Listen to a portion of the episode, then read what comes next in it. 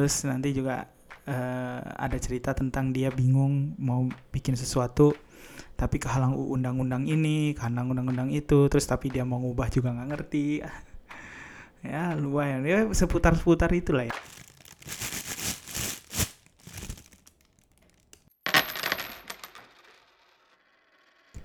Selamat datang di podcast Kantong Kresek episode kedua. Masih episode spesial Prambors Podcaster uh, Dan sekarang uh, Ini adalah podcast Kantong Kresek label Simpan Yaitu adalah pikiran gua uh, Kenapa nggak ada film atau series Indonesia ya Tentang politik istana gitu background story-nya adalah uh, ini pandemi kan udah lama ya. Uh, gua yang tadinya nggak suka nonton series, akhirnya mencoba gitu uh, nonton series karena menurut gue series tuh lama banget kan. Uh, butuh waktu butuh waktu yang di spend tuh untuk nonton tuh lebih banyak daripada nonton film gitu.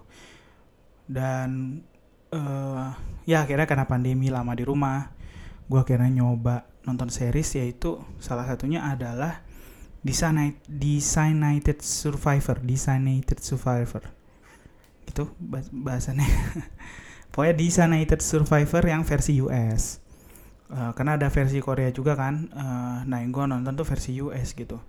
Nah, buat yang belum tahu, Designated Survivor ini ceritanya adalah uh, ada satu orang uh, dari kabinet negara gitu yang diasingkan uh, ketika uh, ada full meeting kabinet presiden semua pejabat pemerintahan lah gitu. Nah, kenapa dia diasingkan adalah biar kalau misalnya di tempat meeting ini ada apa-apa dan seluruh pejabat pemerintahan mati, pemerintahan negara itu tetap jalan dipimpin oleh si orang yang diasingkan eh, ini. Dia adalah dia yang disebut designated survivor gitu.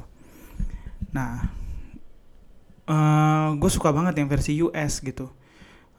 Tiga season gue nggak inget sih berapa season eh berapa episode per seasonnya tapi yang jelas menurut gue itu bagus banget gitu. Kalau nontonnya versi Korea sih um, agak kurang menurut gue ya. Mungkin karena positioning si negara Korea Selatan sendiri itu kan nggak seadidaya uh, Amerika Serikat gitu. Kalau Amerika Serikat di ceritanya si Designated Survivor ini dia kayak ya banyak musuh, banyak uh, lobby-lobby gitu. Karena mereka yang secara nggak langsung tuh kayak pusat pemerintahan dunia kan sebenarnya. Dia yang mereka ya apa leader of the world gitu kalau nggak salah bahasanya. Sementara Korea Selatan kan nggak kayak gitu ya. Mereka me memang mereka uh, banyak apa ya banyak sumbangsinya ke uh, negara dunia tapi nggak se uh, berpengaruh Amerika Serikat. Jadi kayaknya ceritanya agak kurang menurut gue. Nah, setelah nonton uh, series ini, gue tuh jadi mikir, kenapa nggak ada film dan se film atau series yang menceritakan tentang politik istana Indonesia gitu, politik Indonesia yang uh, di uh, circle istana gitu, kayak di Senator Survivor ini. Uh, ya mungkin kalau lihat positioning Indonesia juga bawah, bahkan di bawah Korea lagi gitu kan. Lebih di bawah Korea kita lebih tidak seberpengaruh itu terhadap uh, dunia sebenarnya gitu tapi kan tetap aja setiap istana punya kemenarikan ciri khasnya masing-masing gitu. Tetap menurut gue sih premis yang oke okay, gitu. Uh, mungkin juga dalamnya istana gue nggak tak nggak pernah tahu sih istana tuh istana merdeka itu isinya dalamnya gimana? Apakah kayak White House gitu? Kalau White House digambarkan di film-film Amerika kan ya kantor megah mewah banyak apa ruangan-ruangan dan ada tour istana gitu. Gue nggak pernah dengar kayaknya tour istana negara gitu. Ada nggak ya? Kayaknya ada sih harusnya. Cuman yang nggak pernah ke expose aja gitu bentuk dalam istana tuh kayak gimana sebenarnya. Atau sebenarnya kalau yang gue pikirin alasan paling mungkin adalah takut dianggap mengkritik ya kan apalagi sekarang ada UU ITE ada pasal penghinaan presiden kita makin maksudnya penggambaran presiden Indonesia uh, di film walaupun fiksi mungkin uh, ada arah-arahnya ke sana. Makanya kalau lu lu cari tahu film-film tentang yang ada tentang politik Indonesia-nya, biasanya tuh lebih banyak ke arah biografi kayak uh, filmnya trilogi Pak Habibie, terus uh, Soekarno, atau yang paling nyerempet dikit kayak di balik 98 gitu. Atau yang uh, mungkin pemerintahan deket tapi latar belakangnya itu yang masih zaman Belanda kayak Bumi Manusia itu kan tentang politik juga sebenarnya kan karena kalau gue inget-inget ya film tentang politik di Indonesia tuh kayaknya nggak banyak deh paling yang gue inget tuh uh, yang paling gue inget adalah film 2014 siapa di atas presiden kalau ada yang pernah nonton. Ini film menurut gue bagus tapi nggak ada di OTT sih. Dan lu jangan nonton bajakan ya lu berdoa aja muncul di OTT ini film ceritanya tentang anak calon presiden bapaknya mati terus akhirnya dia mencari keadilan sampai akhirnya dia sendiri yang maju jadi capres gitu. Mantep sih keren banget.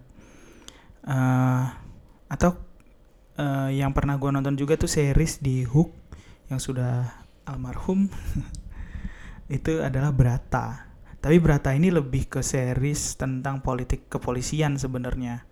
Dia tentang polisi yang punya kekuatan tapi ya ceritanya lebih di lingkup kepolisian doang sebenarnya. Sisanya gue kayaknya nggak pernah tahu deh. Jamila dan sang presiden tuh tentang politik gak sih? Gue belum nonton sih. Uh, padahal menurut gue itu premis yang keren sih. Politik istana tuh uh, kalau gue ya kalau gue suatu waktu mungkin uh, dapet kesempatan yoi.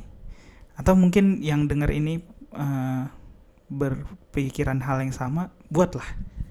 Kalau menurut gue uh, mungkin versi biar terhindar banyak dari UU ITE dan pasal penghinaan dan lain-lain bikin genrenya tuh komedi aja. Komedi apa ya kalau gue mikirnya premisnya kayak orang uh, ketulah gitu kali ya jadi presiden. Kayak dia bilang suatu hari awas lu gue jadi presiden gue ini lu gitu. Dia marah-marah gitu kan.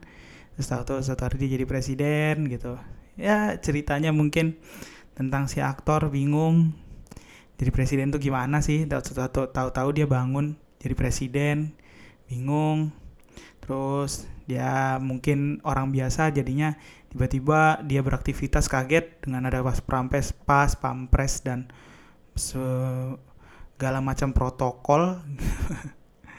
Lucu ya kayaknya ya orang bingung gitu ya. Orang bingung kan selalu lucu ya. Terus ya dia mungkin menghadapi masalah dari lawan politik yang dia juga nggak ngerti kenapa dia dipermasalahin.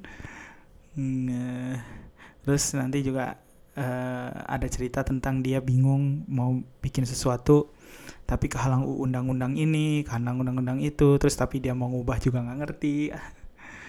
ya lumayan ya seputar-seputar itulah ya. Pokoknya aktor kebingungan itu kayaknya lucu deh. ah, itu kalau gua ya. Kalau kalian ada yang berpikiran yang sama silahkan loh dipakai idenya. Nanti uh, ngobrol lah sama gue siapa gue aduh itu sih mungkin kita bisa mulai dari mengekspos bentuk dalam dari istana gitu. Mungkin dengan memperbanyak tiket tur istana nggak cuman yang diundang-undang gitu kan. Yang diundang tuh diundang tuh maksudnya orang-orang yang diundang gitu ya. Ya itu sih film itu series tentang politik istana. Menurut gue itu keren sih harusnya. Oh ada paling naga bonar ya. Tapi naga bonar juga kayaknya enggak sih naga bonar lebih ke perang. Ya ya belum ada belum ada. Jadi uh, mungkin ada yang berminat silakan dipakai ide ini. Uh, nanti gue kredit aja nggak apa-apa. Nggak usah bayar nggak usah ada apa-apa. Kalau terpikir ya karena uh, podcast ini pakai aja. Gue sih cuman melempar ide aja gitu. Karena ini podcast kantong kresek. Lempar aja dulu ya kan? Oke itu aja dari gua sampai ketemu lagi di podcast kantong kresek. Jangan lupa follow instagramnya at ktg.kresek sekali lagi at ktg.kresek boleh komen di sana atau dm gua kalau ada yang mau cerita atau kita mau ngobrol di sini silakan. Gua tunggu di podcast kantong kresek episode selanjutnya